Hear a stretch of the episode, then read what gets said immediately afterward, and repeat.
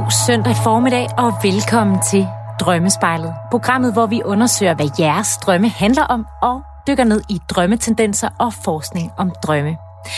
Michael, har du nogensinde øh, kommet til at lave et såkaldt Freudian slip, altså der, hvor man kommer til at sige noget, man måske ikke lige skulle have sagt højt? Det har jeg bestemt utrolig mange gange, og nok også flere gange, end jeg ligesom vidste, du ved. For mig, så tror jeg, at det, ja, sådan det, jeg lige kommer til at tænke på, er noget med, at hvis jeg er misundelig over et eller andet, som nogen øh, har, som jeg ikke har, øh, så får jeg sagt et eller andet, som sådan, ligesom tydeliggør, at jeg er så misundelig, og så er det først bagefter, ligesom, okay, det kunne jeg måske have håndteret anderledes, det der.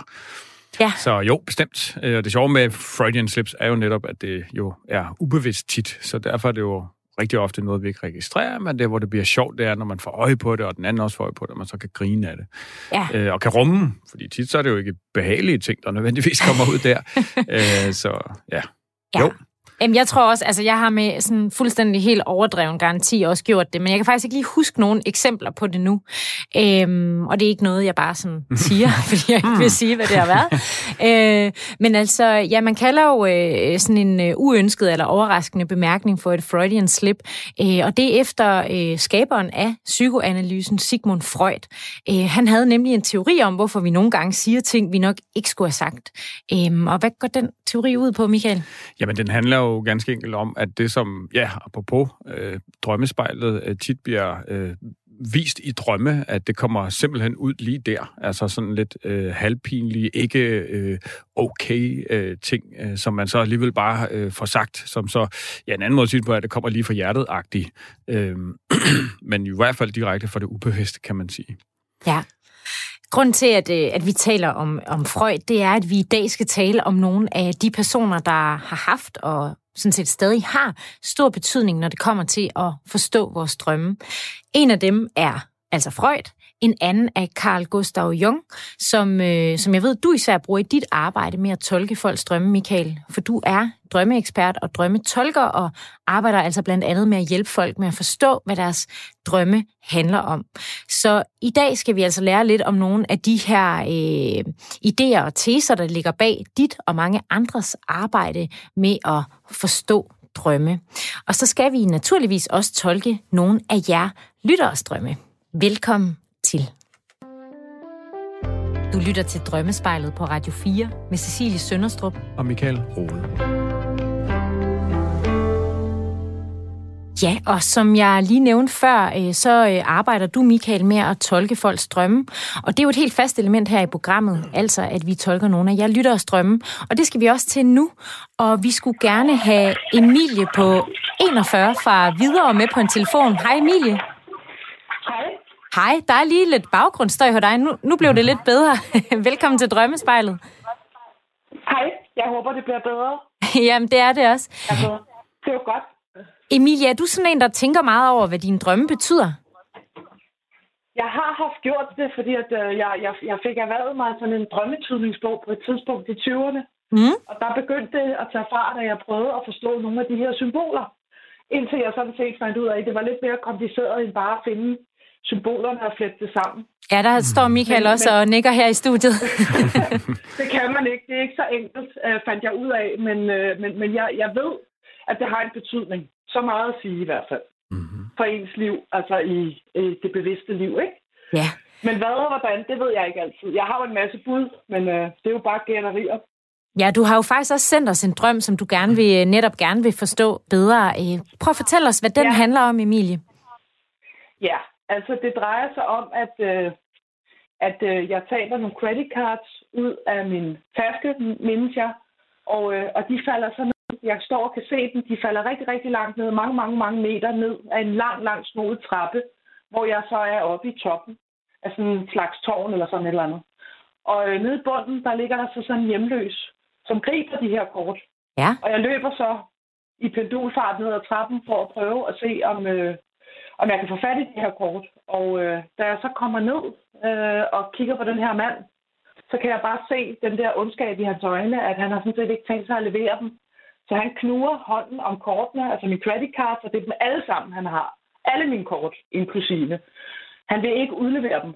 Øh, og jeg kan jo så mærke sådan en form for frygt. fordi at, øh, at jeg får sådan en idé om, at, øh, at det stopper ikke her. Den her mand, han, øh, han er ude på et eller andet. Og, øh, og jeg, blev nød, jeg blev nødt til at flygte. Øh, så det, det er sådan meget kort, hurtig frekvens og registrering. Så jeg går ud af, af det her. Jeg er kommet ned i bunden af tårnet, hvor den her mand ligger, med, med al min magt i hånden, skulle jeg til at sige. Og så løber jeg ud af det der tårn, alt hvad jeg overhovedet kan. Og mens jeg løber, så registrerer jeg, at det her, det bliver ikke det sidste, jeg har haft med ham her at gøre. Det er ligesom, jeg har sådan en følelse af, at han har mig i sin mulehånd, og jeg kan ikke flygte lige meget, hvad jeg gør. Mm. Og den, den drøm, den sidder fast i mig hele dagen. Øh, og så hører jeg altså jer om eftermiddagen, og det er lidt et tilfælde, hvor, hvor det så går op for mig, at, øh, at den her drøm, den har så fyldt rigtig, rigtig meget. Og jeg ikke rigtig har kunne forstå, øh, hvad, det, altså, hvad det ligesom er synonym for. Og hvordan, når du øhm. siger, at den har fyldt meget, prøv, prøv at beskrive, hvad du mener med det. Jamen, jamen, jeg har ikke kunnet lade være at tænke på den der følelse af frygt, som, som det affødte, da jeg kiggede ham i øjnene. Mm. Øh, den, det tab, altså, hvis jeg skal, nu skal jeg ikke sidde og gætte, fordi jeg er jo slet ikke ekspert på området her overhovedet, men det var sådan en følelse af identitetstab. Altså, det var mm. det, jeg følte i drømmen. Jeg følte, at jeg tabte, jeg mistede mig selv. Altså på en eller anden måde. Ja. Og så var kortet måske sådan en symbol på det. Jeg ved det ikke. Nej. Det var, det var det, jeg følte om dagen, der, dagen efter, ikke? Om morgenen. Der, jeg følte, jeg havde mistet mig selv fuldstændig. Og det var selvfølgelig en ubehagelig følelse, og det prøvede jeg så at tænke, jeg ved, hvad det er. Det forstår ja. jeg ikke. Ja. Og, og det ja. altså udgangspunktet for min tilgang til at arbejde med en drømme, Emilie, det er jo, at den bedste til i udgangspunktet, og i hvert fald afgøre, hvad der sådan er en rigtig tolkning af en drøm, det er jo den, der har haft den, og i det her tilfælde jo dig. Og du vågner jo selv op med sådan en følelse af identitetstab, øh, og derfor bliver det ja. sådan oplagt for mig at spørge, øh, hvor er du henne i dit liv? Øh, øh, hvad for nogle temaer er der ligesom på spil? Er der, er der måske netop en følelse af, at der er et eller andet sted i dit liv, hvor du kan enten ved at miste sådan kontrollen, eller der sker store mm. skift, eller mm. øh, det, det er sådan nogle af de ting, jeg, jeg, der, der sådan lige kommer op i mig, når, når jeg hører sådan en, øh, sådan en drøm. Hvad, hvad tænker du, når jeg siger det? Altså, man kan sige overordnet set, i den fysiske verden, der er det sådan, at øh, jeg er omgivet af ret meget støj, så min base, den er lidt truet i og med, at der er håndværkere, og det er meget omfattende omkring mig, og det, okay. det er en, ja. det, det, det er noget, der invaliderer mig på en, en, en tid, hvor jeg rent mentalt og psykologisk set er i gang med noget helt andet karrieremæssigt, end jeg nogensinde har været før. Ikke? Så et andet spring ja. i en anden retning, som faktisk øh, fordrer, at jeg kigger ind af og mærker min krop. Det er sådan noget yoga, noget øh, det lyder da spændende. det, ikke? Ja. Og, og der kan jeg jo virkelig mærke mig selv, og jeg kan mærke, hvad det er for nogle skyggesider, jeg har, og skeletter i skabene. Jeg kan mærke alle de sider, som jeg ikke er i alignment med, og som jeg har undertrykt. De kommer jo frem, ikke? Og de her og, øh, øh håndværkere, er det noget, er det, er det hjemme hos dig selv, at, der, at ja, er I ved at renovere? Det er lidt interessant, fordi det er både i og omkring mig på en og samme tid. Så det er all around. Og det er også ude på vej. Mm-hmm. Det synes jeg jo er ja. vanvittigt spændende, Emilie. Ikke mindst i forhold til, at dagens tema, som jo ikke altid behøver at hænge sammen med, med jer øh, drømmer, øh, og det I drømmer om. Ja. Øh, et af dagens tema i dag er jo, eller dagens tema i dag er jo nogle af de store tænkere inden for drømmeverdenen, og en af dem er jo Carl Gustav Jung, og han havde den her idé om synkronicitet, altså hvordan der i vågenlivet og i drømmelivet kan ske nogle, simpelthen nogle sådan lidt uforklarlige øh, sammenhænge. Ja. Så øh, ud fra hvad du siger, øh, Emilie, så, så, så sker der jo reelt, både på sådan det konkrete fysiske plan i forhold til dit hjem, øh, noget med, at du ligesom der i hvert fald øh, ikke føler dig hjemme. En, en, en klassisk vinkel på det her med vores hjem i drømme er faktisk lige præcis sådan vores identitet. De fire vægge, vi føler os trygge i, hvorfor man så nogle gange kan øh, opleve, at man finder en dør, som ikke er der i virkeligheden, og så, altså i drømmen, og så kan man udforske den. Men nu er virkeligheden jo, at, det er, at der sker øh, ting der, og du sætter så samtidig ord på, at, at du i dit liv er begyndt på noget nyt, som for dig er ja, afgørende øh, nyt. Hvor lang tid har du været i gang med det? Tre måneder. Okay, så det er virkelig her. nyt. Ja. ja. Det er meget nyt, ja. Og du sætter ord på øh, ting og skeletter, der vælter ud af skabet, skyggesider og alt sådan noget. øh, ja. Altså sådan en rejse, hvor man jo måske for første gang i sit liv tager det der store step hen imod at kigge indad, i stedet for ja, udad, øh, og virkelig begynder ja. at undersøge sig selv, er jo virkelig noget, der kan gøre, at man kan komme et sted hen, hvor at det sådan bliver utrygt på en måde, ikke? at fundamentet forsvinder, øh, og, og, og det kunne jo for mig have set godt, øh, men det vil jeg jo gerne høre dit bud på, om det giver mening for dig, øh, hænge rigtig godt sammen med, med det her med, at du oplever, at du ligesom, jeg har en identitetskrise, Altså simpelthen noget med, at måden, du har set på dig selv, dit liv, øh, måden, man er menneske på indtil nu, at den sådan ligesom, ja, øh, forsvinder på en eller anden måde, ikke? Øh, hvad tænker du om, omkring det? Altså, hvis jeg må tilføje en, en lille fodnote i det her, så, ja. øh, så har jeg jo mødt en kæreste også, og du, vi ved jo, at relationer er jo noget af det, der kan, kan være med til at skubbe os i gunstige eller ugunstige retninger. Og ham her, han, øh, får altså skubbet til de her skyggesider, og det gør han jo ikke bevidst. Det er jo bare det, jeg har. Nej. Og det er, det er med til at få alt op i lys lue, ja. i, altså i forhold til de andre ting også. Ikke? Det er altså virkelig noget, der har været med til at, at sætte tingene helt derud, hvor jeg føler, at, at min identitet er sådan, alt det, jeg troede, jeg stod for, alt det, jeg troede, jeg var, alt det, jeg troede, jeg ligesom havde implementeret. Ja. Det, det, det og jeg er glad for, at du bringer det op også, og, og, og fuldstændig enig. Lige præcis relationen til de indgående nære kærlighedsmæssige er, er rigtig meget ofte noget, der kan fremprovokere de her ting. Øh, og, og derfor kan det jo øh, give mening at, at se sådan en drøm som simpelthen et billede på, øh, ja, og det min fornemmelse er det også lidt af det, du selv siger, ikke? Altså, du simpelthen er hjemløs i dit liv lige nu. At, at, at, at du er den her mand, der ligger der, og, og det er jo skræmmende. Altså, han er jo enormt skræmmende for dig i drømmen, ikke? Øh, og ubehagelig. Øh, og, og sådan en rejse ved jeg jo, øh, både for det arbejde, jeg laver, men så sandelig også det arbejde, jeg har lavet med mig selv. Altså det der med virkelig at se sig selv i øjnene. Og, og, der, der, og det gør han jo lidt der, og det gør du lige der, og det er ofte øh, enormt øh, ja, øh, skræmmende, og du bliver efterladt med den her følelse af, ham her, det er altså ikke sidste gang, du har set ham. Altså underforstået, det her kan blive en, en længere rejse. At, at det her, Michael, det her med, at han er hjemløs, er det også sådan et, et billede på, at, øh, at, øh, at man kan forbinde det at være hjemløs med at være identitetsløs? I høj grad, især vil jeg sige, også fordi, at, det er også sådan en klassisk vinkel på, øh, altså du giver øh, alle kreditkort, øh, det kunne være dit pas også, altså en klassisk billede i drømmene på min identitet. Den stjal han øh, simpelthen, ikke? Øh, og du siger det jo selv, at det en oplevelse af identitetstab.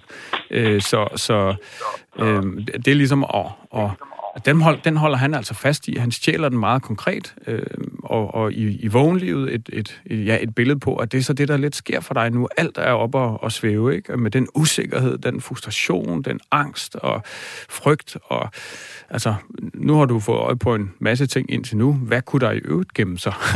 og måske også sådan følelsen af, wow, hvor lang tid kommer det her til at stå på, og hvad kommer det til at, at, at kræve af mig? Altså, hvor lang tid skal jeg være hjemløs, med andre ord? Ja, hvad, hvad, hvad, hvad, hvad tænker du med alle de her ting, Emilia? Du har ikke sagt noget, jeg ikke selv har haft tænkt. Øh, under, altså forstået mig ret, at jeg har gået og tænkt, jeg har haft den følelse, men den er jo svær at adressere. I altså, høj grad, entydigt. ja. Jo.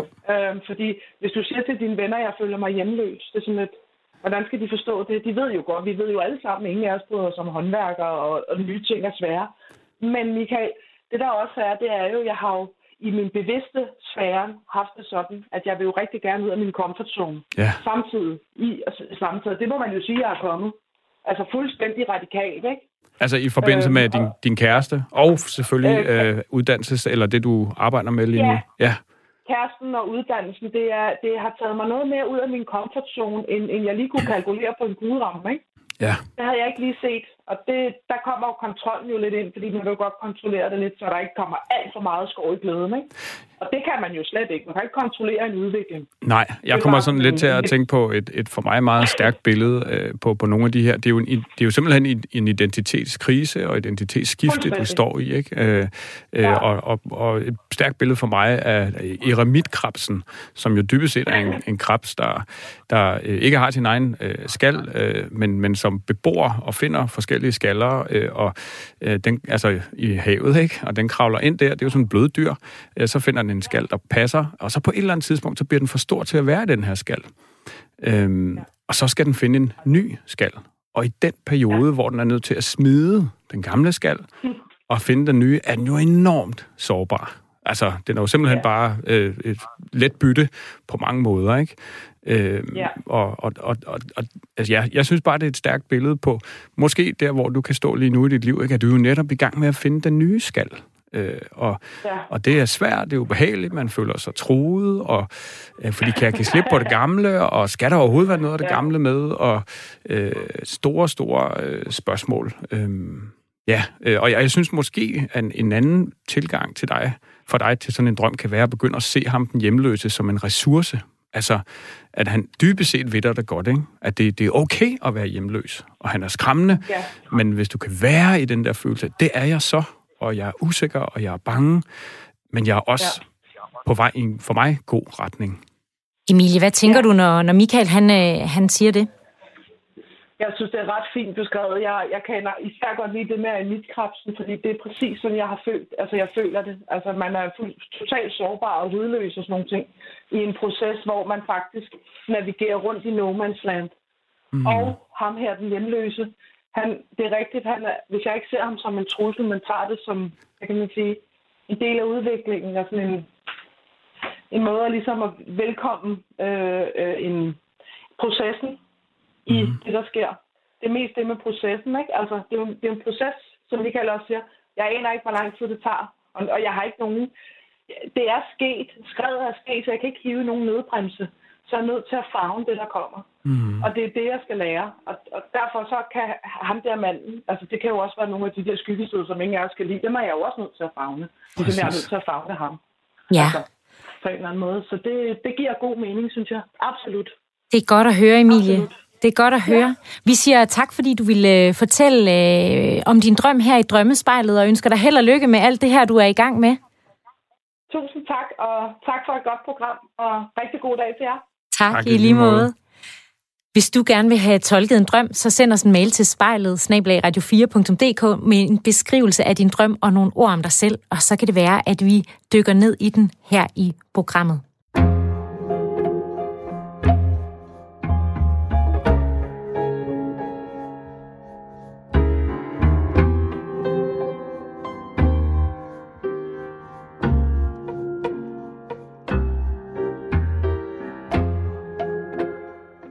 Jeg har drømt om, at jeg var en dinosaur med to hoveder.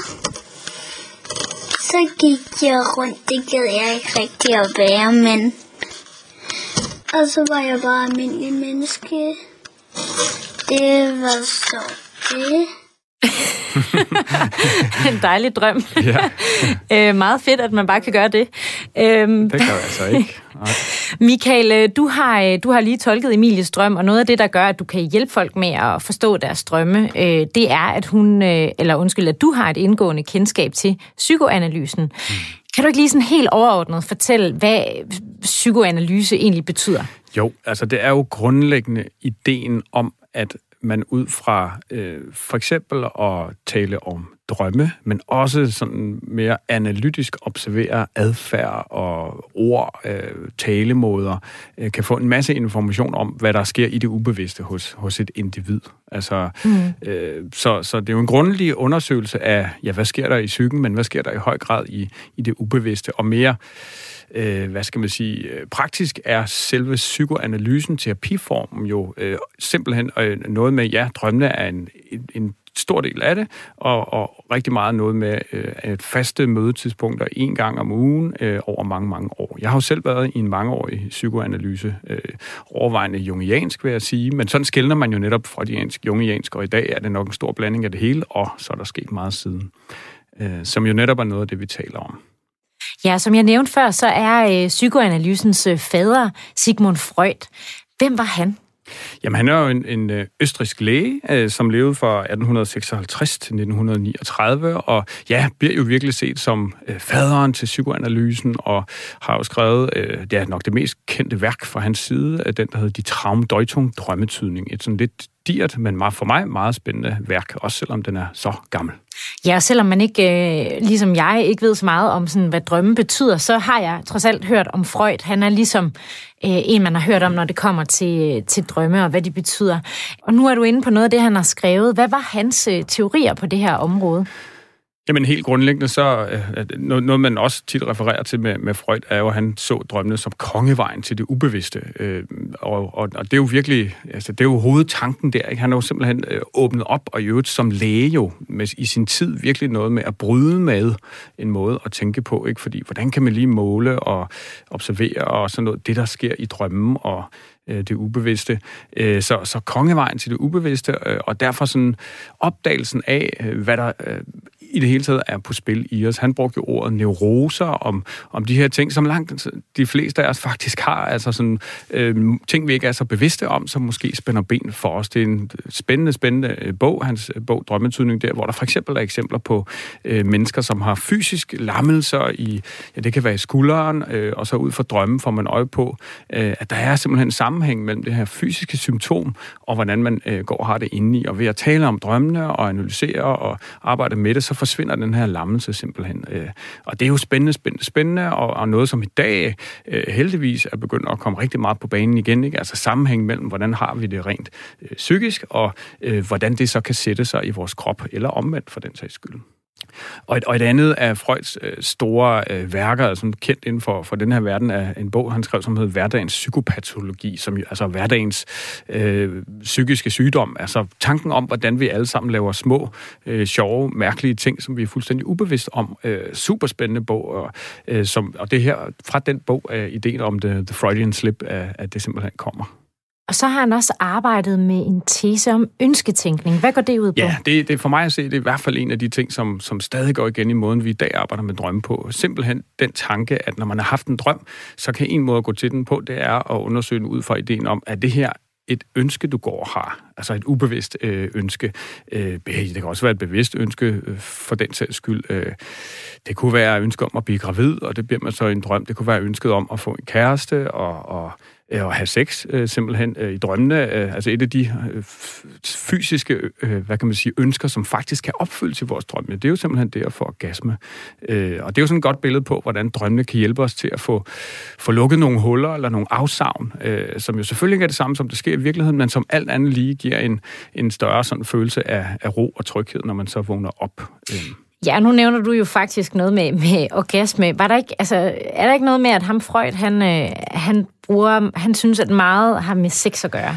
Jo, det er i hvert fald det, han er blevet skældt ud for, kan man sige. Ikke? Øh, og, og, og det synes jeg er lidt synd, fordi han har simpelthen tænkt så mange og så store tanker. Øh, øh, og, og jo, øh, tanken er, øh, i forhold til den kritik, at måske var han sådan meget præget af den tid, han levede i, hvor at det her med sex, det var sådan lidt noget, man sådan gik meget stille med, eller sådan mere kontrolleret, og øh, ja, det taler vi ikke om. Øh, og derfor kompensation for det, altså modtrækker til det, er jo noget med, så er det nok det, det hele nærmest handler om. Øh, og, og det er jo også der, hvor, nu skal vi lidt senere tale om Jung, hvor at de to herrer sådan lidt har brudt med hinanden, ikke? fordi at, at, øh, at, at nogle gange så, øh, så, så et højt tårn i en drøm, det er jo altså ikke et, en energeret penis nødvendigvis, det kan være alt muligt, ikke?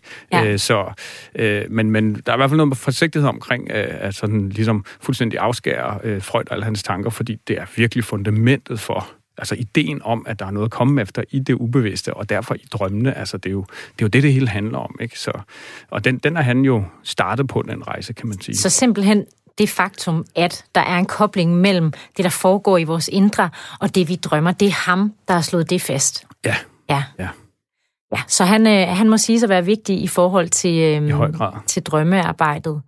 Lidt senere i udsendelsen skal vi tale om øh, Carl Gustav Jung, som du også var inde på før, øh, som, øh, som hos de fleste, der arbejder professionelt med drømme, har endnu større betydning end, end Freud, selvom Freud var skaberen af psykoanalysen. Øh, og øh, Carl Gustav Jung, han var faktisk øh, uenig med Freud på flere punkter, når det kommer til forståelsen af, hvad det ubevidste er, og hvad vores drømme betyder. Du lytter til Drømmespejlet på Radio 4 med Cecilie Sønderstrup og Michael Rode. Velkommen tilbage til Drømmespejlet, programmet, hvor vi tolker og taler om drømme. Nu skal vi dykke ned i endnu en lytterdrøm. Den kommer fra Anna på 24 fra København. Hun skriver, Mine drømme omhandler min ekskæreste, og det er meget gennemtrængende, realistiske drømme, som jeg nærmest kan tro så jeg nærmest kan tro, at det er virkeligt, når jeg vågner. Det var i sin tid et hårdt brud med den omtalte ekskæreste, og det tog hårdt på mig i en periode. Umiddelbart synes jeg selv at være over det, men det er som om, at drømmene ønsker at holde mig fast i fortiden, og konstant husker mig på, hvad der, hvad der er mistet. Dette på trods af, at jeg er i et parforhold, hvor jeg er glad, og hvor vi ovenikøbet købet bor sammen og har gjort det i et år. Drømmene indeholder tit episoder, hvor jeg møder min ekskæreste eller hans familie. Enten er jeg stadig kærester med ham i drømmen, eller også er jeg det ikke, og så handler drømmen i så fald om mødet med hans familie, hvor vi taler om fortiden, nutiden og fremtiden. I drømmene kan jeg for eksempel have min egen kæreste, som jeg ikke vil stå ved over for min ekskæreste, og i andre drømme føler jeg, at min ekskæreste er efter mig, så at sige, at jeg ikke kan få ham væk. Jeg drømmer samtidig om, at min ekskæreste fortæller mig, at han vil have mig tilbage. I drømmen vil jeg det ikke, men er lettet over, at han fortæller det. Der er mange, mange, mange drømme hver nat i flere måneder af gang, siden vi gik fra hinanden. Det er irriterende, hver gang jeg tror, at de er væk for godt, så kommer de tilbage. Det er meget følelsesladet drømme, hvor jeg tit græder, er nervøs og næsten panisk. Jeg ved, at der er andre, der ofte drømmer om deres ekskærester, koner, mænd osv., og derfor er jeg interesseret i at høre, om Michael har et bud på, hvordan det kan være. Ja, Michael, det er altså øh, Annas drøm her, øh, og hun skriver, at hun er videre øh, fra det her forhold øh, med eksen, men altså ikke lige kan slippe ham øh, eller hans familie i sine drømme. Hvad tænker du, når du hører om den her drøm?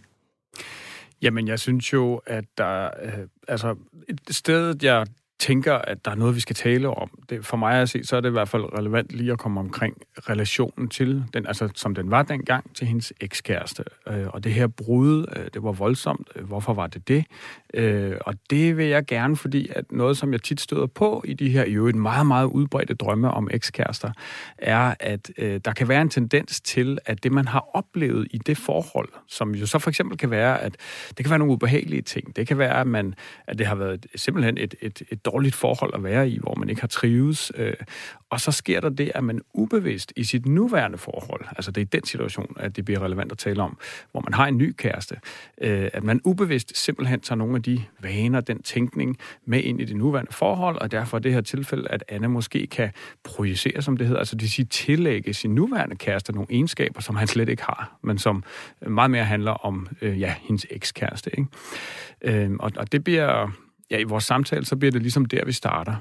For jeg havde jo en god snak med Anna, og øh, den, lige den her tænkning omkring om ekspertkæresten og øh, forholdets karakter, og om der var noget potentielt negativt, om det ligesom stadig spørger, øh, den blev sådan ret hurtigt, kan man sige, lagt til side, fordi hun netop har den her stærke oplevelse af, at hun er et godt sted, hun er rigtig glad for at være der, øh, øh, og faktisk øh, ganske kort, øh, lige i forhold til dem her, hun i drømmen, øh, har dialog med og ser ekskærestens familie, så er hun et sted lige nu, hvor hun meget mere har kontakt til at gøre brug af sin egen familie, som hun ikke rigtig havde dengang. Så, så den, øh, kan man sige, den bliver sådan hurtigt øh, parkeret. Øh, og så bevæger vi os videre, øh, fordi så bliver det for mig mere interessant at spørge ind til øh, en anden vinkel på det her med, at ekskæresten optræder. Hvordan var dit liv dengang?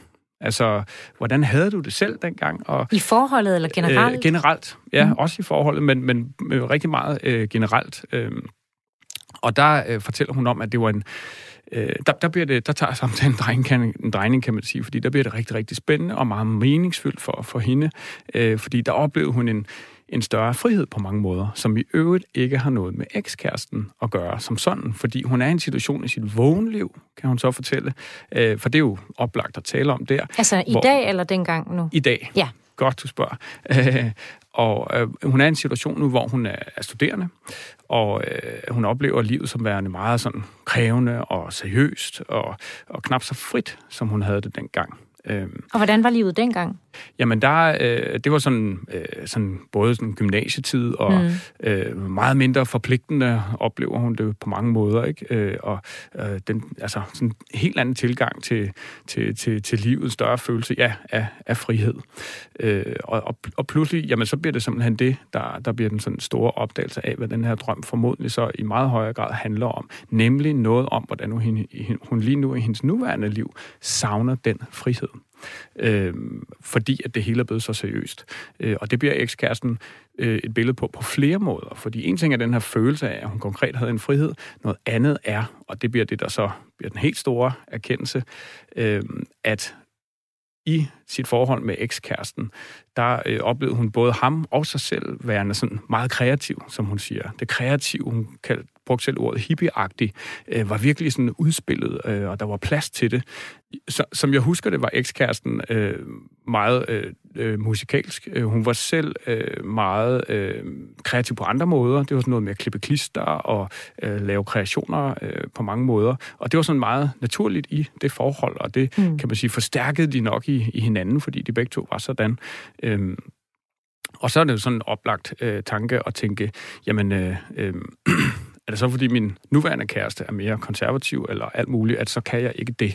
Øh, og, øh, og, og, og det kommer vi til at tale en, en del om, vil jeg sige, lige præcis den øh, vinkel. Og det som, der hvor den stille og roligt øh, går hen, det er jo simpelthen erkendelsen af, at, at hun lige nu i sit liv ikke selv giver plads. Og nu springer jeg sådan lidt i samtalen der, ikke? men at hun ikke selv giver plads til, til den kreativitet. At hun ubevidst ja. giver studieskylden, livet er voksen og seriøst, øh, og det tror jeg er noget, mange kan genkende til, så, så bruger man ligesom det som argument for, at så er der jo ikke plads til mig. Øh, og i, i hendes tilfælde, så øh, ja, som hun siger, så hendes nuværende kæreste er meget anderledes end hendes kæreste dengang øh, som jo så ubevidst øh, for hende har ført til, at sådan en følelse, jamen, så er der nok ikke plads til det der. Eller så, så, så får hun ligesom en følelse af, så er der ikke plads til kræa, Anna. Mm. Øhm, og der får hun jo simpelthen den her opdagelse af, at, at det er jo ikke... Ja, nu, nu hopper han nok lidt igen. Det er jo ikke ham. Det er jo faktisk ikke ham, fordi at hun får øje på i samtalen, at når hun få gange i deres forhold hiver klister og saks og så videre frem, så elsker han det. Han nyder simpelthen, når hun gør de der ting. Ikke? Mm. Øh, og, og det bliver sådan virkelig en erkendelse af, hvordan Anna har glemt sig selv i, ja. i, i hendes liv. Øh, både, både lidt i forholdet, øh, men også i sit liv. Øh, og, og det sker jo tit, kan man sige, i forhold, at man ubevidst lader sig influere af, øh, måske prøver at tilpasse sig den anden, hvor ja. opgaven jo mere er at holde fast i sig selv, i det forhold øh, for, for ikke at ja, drukne i, i det. Men hun sagde jo også, at, at det havde været et smertefuldt brud med ekskæresten, så jeg kommer til at tænke på, om det ikke også kan være sådan en form for, at man skiller tingene ad og siger, nu skal jeg noget andet med mit liv. Fordi at det, jeg forbinder med ham og det kreative og det, vi havde sammen der, det gør ondt. Øh, så at det faktisk måske også kan handle om det. Øh, at hun sådan ligesom, øh, øh, altså simpelthen brudet og gør sig færdig med den tid. Og den side af sig selv for at starte noget nyt. Kommer jeg bare til at tænke på? Jo, jo øh, øh, kan sagtens være. Øh, det, det, som er en rigtig god øh, øh, tanke, øh, det, som bliver vigtigt for hende at få øje på, det er øh, mere, at, at det var vigtigt, at, at hun holder fast i det for at det ikke bliver for seriøst og for ensidigt mm. og for ordentligt. Og det inviterer hende egentlig, eller det får hende til at tænke, at ej, nu glæder jeg mig simpelthen bare til, at min kæreste og jeg, altså nuværende kæreste, skal i gang med at udforske hinanden, og hvem vi hver især er øh, hvem er du, og hvem er jeg, og hvordan sikrer vi, at der er plads til det? Og det synes jeg virkelig er, lover godt for et, øh, et, et, et relativt nyt forhold, ikke? at man kan begynde at have sådan nogle øh, snakke. Øh, ja. ja, bestemt. Men jeg bliver også lige nødt til at spørge, altså det her med, at hun drømmer om den her ekskæreste, og hun i drømmene også lidt håber, at han har altså han, øh, han kommer med kærlighedserklæringer mm-hmm. til mhm. hende og vil hende have tilbage. Jeg kommer til at tænke på, om det også kan handle om, at hun måske stadig har følelser for sin eks, eller håber, at det vil ske? Altså, det er jo... I sådan en samtale er det jo enormt svært at udelukke. Altså, jeg tror, når vi har været i et mangeårigt forhold, og det har påvirket os, så vil der jo altid være et eller andet i os, som, øh, som altså, det forhold sætter jo spor og på, på godt og ondt. Øh, altså, jeg vil sige, der hvor at vi sådan øh, ender med, det er faktisk en stor lettelse hos Anna, fordi hun får sådan en stærk følelse af, at det handler altså ikke om, at jeg vil tilbage. Det, det er ikke derfor, jeg får de her drømme, for jeg er jo glad der, hvor jeg er. Øh, og det bliver hun sådan meget lettet over, fordi jeg tror, hun sådan har gået med skyldfølelsen over, at det er det, jeg vil. Hvor at når hun så glædes over, at hendes ekskæreste øh, øh, gerne vil hende og glæder sig og sådan noget, så handler det jo meget mere om, at den her ekskæreste simpelthen er et direkte billede på, øh, og det har jeg måske ikke, øh, tror jeg, sagt så præcist, hendes kræger Anna. Altså, han er simpelthen billedet på det kreative i hende selv. Og det er jo den længsel, hun går med i sit liv, og få ja. fat i det der, ikke? og gøre det igen. Og, og derfor bliver han jo glad, men så er det jo den her med, at hun ikke rigtig tør stå ved sin nuværende kæreste over for eksen. Altså vende den lidt rundt. Hun tør ikke at stå, sig selv, stå ved sig selv og sin egen kreativitet over for sin nuværende kæreste, ud for noget misforstået med, at, at det vil han nok ikke synes øh, er godt. Eller, altså han bliver sådan lidt en personificering af sådan noget, at der ikke er plads til. Underforstået noget i hende selv, som siger, det er der ikke plads til. Måske ud fra, det har jeg ikke tid til i mit liv, men sådan en drøm kan jo så skrige til himlen om, det er vigtigt for dig, Anna, at du gør det der igen, finder det frem for faktisk at trives, og vil jeg jo sige, faktisk og meget bedre at kunne lykkes med, med dit studie. Ja, og det lyder jo så som om, at øh, den erkendelse fik hun i løbet af jeres samtale. Det gjorde hun, ja. Det gjorde hun.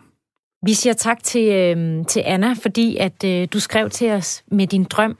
Hvis du øh, sidder derude, øh, altså ikke Anna, men øvrige lyttere, også Anna, hvis du har lyst til at skrive til os igen, men hvis man sidder derude og har lyst til at, at få tolket en drøm, så er man meget velkommen til at skrive til os på spejlet radio4.dk.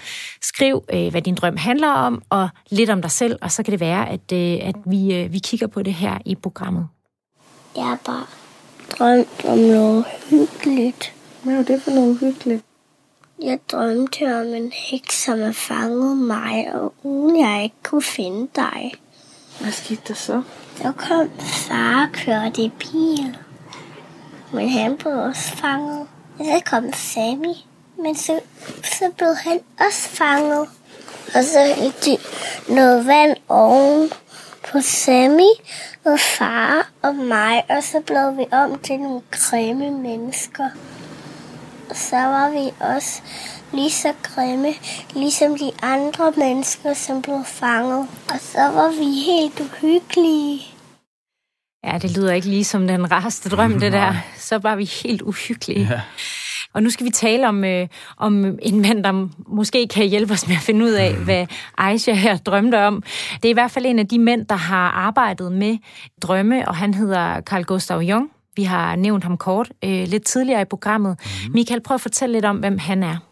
Jamen, han er jo en øh, svejsisk øh, psykiater, som øh, lidt ligesom Freud virkelig har sat store spor på måden, vi i dag arbejder med drømme på. Han levede i 1875 til 1961, og øh, vil jeg sige, har lavet sådan, ja, øh, en videreudvikling af psykoanalysen, øh, en tilgang til det ubevidste, som man selv kalder for dybdepsykologien, eller den analytiske psykologi. Øh, så, så det, øh, ja, det er sådan en, lidt en videreudvikling af den oprindelige måde at øh, gå, gå til drømme og det ubevidste på, som Freud ligesom lagde for dagen. Øh, og det var så også det, som vi lidt har været inde på, som gjorde, at de to herrer øh, brød med hinanden på et tidspunkt, hvor de egentlig var meget tætte, og øh, Jung jo virkelig meget så op til Freud, så var der sådan store følelser i ham selv af, at den der tænkning, og den, den giver simpelthen ikke mening. Det, der, der er noget andet her, og det kan ses på en anden måde.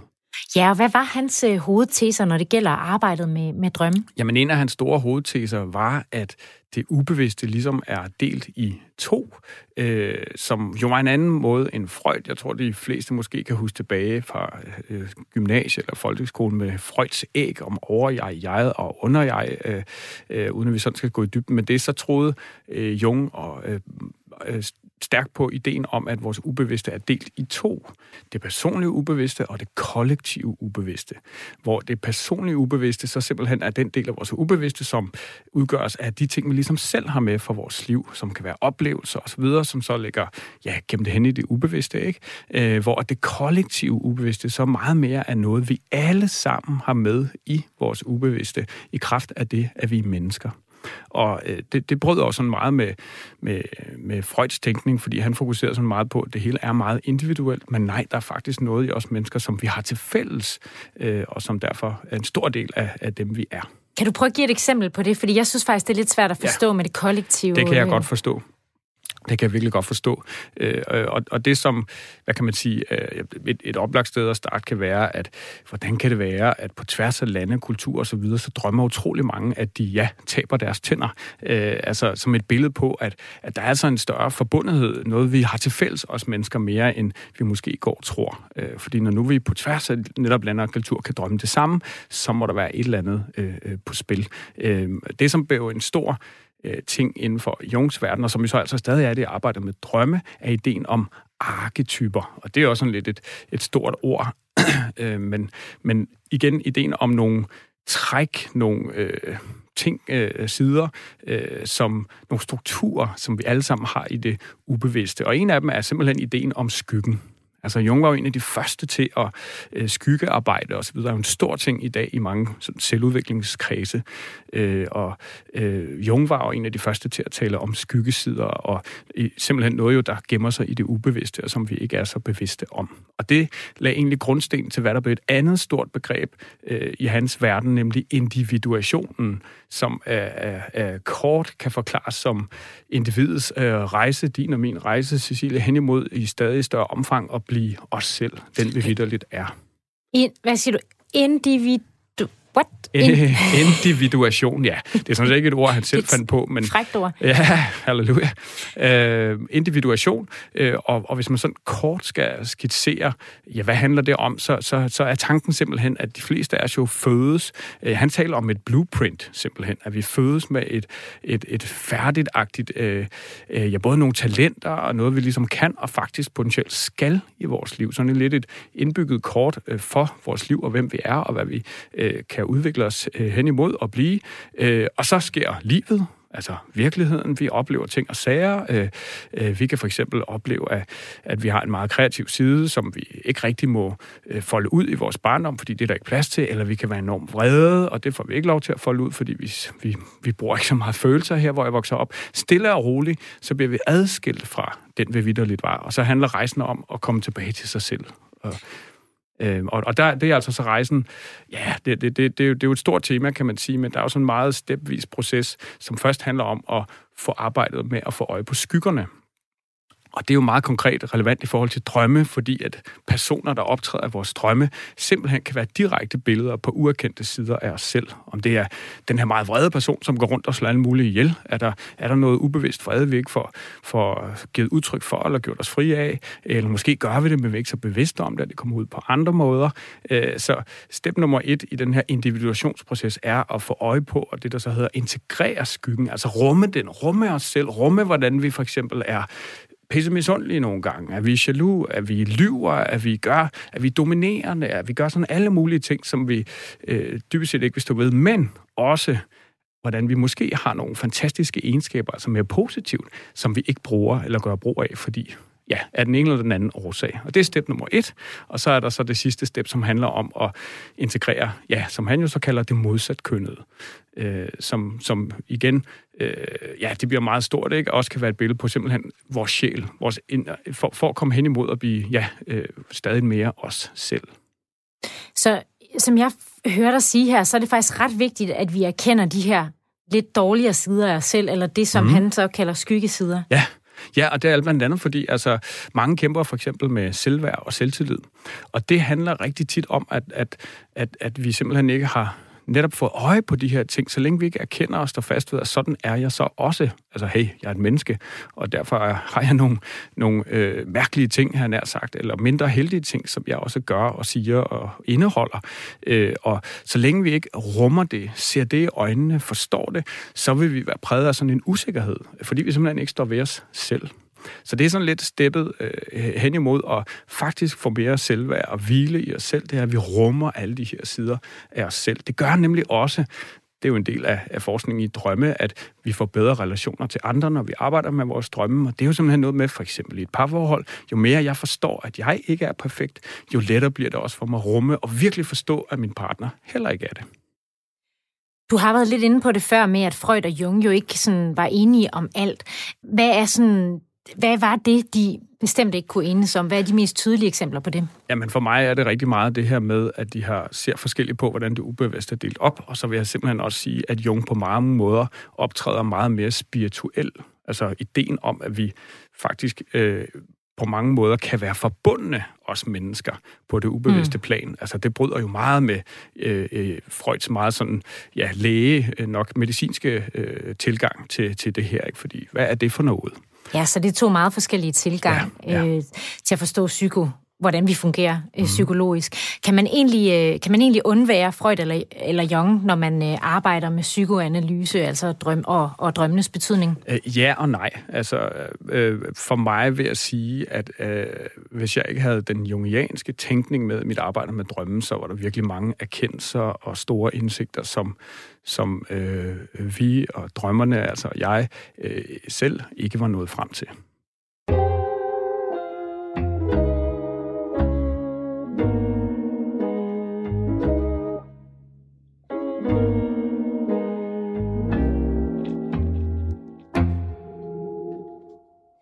Det er blevet tid til at svare på nogle af jer lyttere spørgsmål i vores drømmebrevkasse, Drømmekassen. Det er den, I skal skrive til, hvis I har et øh, hvilket som helst spørgsmål, der handler om drømme.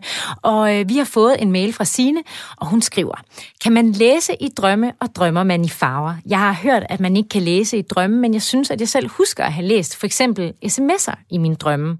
Jeg har også hørt, at man drømmer i sort-hvid, men det kan jeg altså heller ikke erindre, at jeg gør. Hvad siger du til det, Michael? Ja, øh, der, der er to dele i det øh, spørgsmål. der. nummer et, øh, det at læse, altså se konkret tekst i drømmen. Øh, det, det sker, og det er hun jo lige præcis det, hun selv har oplevet, så øh, det sker ikke så tit. Øh, den øh, forskning, der har prøvet at lave statistik på det, øh, fundet frem til, at det sker i cirka 5% af vores drømme, at der er noget tekst eller noget skrift. Øh, øh, ganske kort i forhold til arbejdet med drømme der, så giver det virkelig mening at prøve at bruge de der ting til noget, fordi der kan stå nogle meget konkrete, direkte budskaber, sort på hvidt, havde sagt. Øh, så det forekommer altså.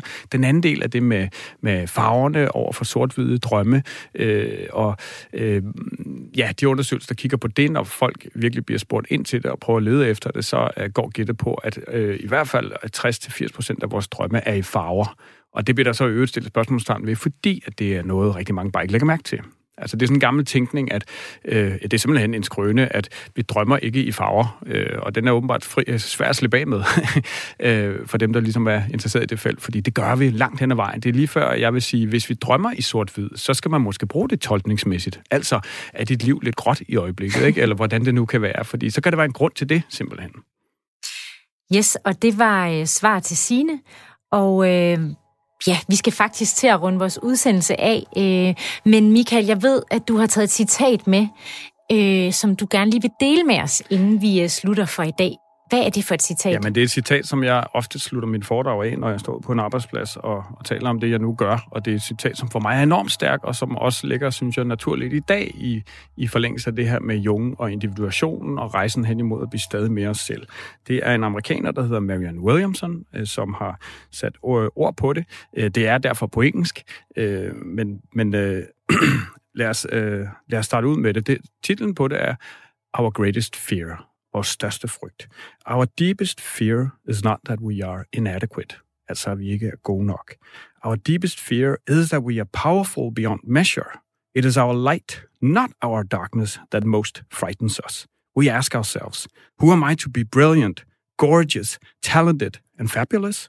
Actually, who are you not to be? Your playing small does not serve the world. There's nothing enlightened about shrinking so that other people won't feel insecure around you. We were born to make manifest the strength that is within us.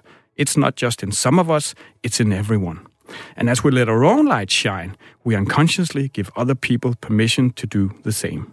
As we're liberated from our own fear, our presence automatically liberates others. Denne her tekst er for mig enormt stærk, fordi den, den siger for mig en, en stor, stor sandhed, øh, nemlig det, at jeg tror, mange af os går rundt og er ubevidste om, at det vi egentlig er bange for, ikke er frygten for ikke at være god nok, men det er faktisk at turde stå ved os selv. Øh, være så fantastiske, som vi inderst inden er shine så meget, som vi fortjener at shine. Øh, det er jo sådan lidt fuck jantelov-agtigt, ikke? fordi det netop handler om at, at, at turde stå ved sig selv. Øh, ikke sådan, at nu skal jeg bare være den sejeste og fuck the rest, men meget mere, og derfor individuationen og Jung, som jo også er tanken der, jo mere at vi står ved os selv, jo lettere bliver vi både faktisk at være sammen med, og vi bliver mere til gavn for, for verden omkring os. Det er en øh, opfordring for dig, Michael. Tak for det citat. Og til jer øh, lyttere, tak fordi I øh, lyttede med. Hvis du har et spørgsmål om drømme, eller har en drøm, du gerne vil have tolket, så skriv til os øh, til spejlet, snablagradio4.dk. Så kan det være, at vi dykker ned i dit spørgsmål eller din drøm. Du kan genhøre dagens udsendelse på radio4.dk, eller via Radio 4's app, eller hvor du nu ellers henter dine podcasts. Dine værter i dag var Cecilie Sønderstrup Og Michael Rode. Drøm godt til vi lyttes ved igen.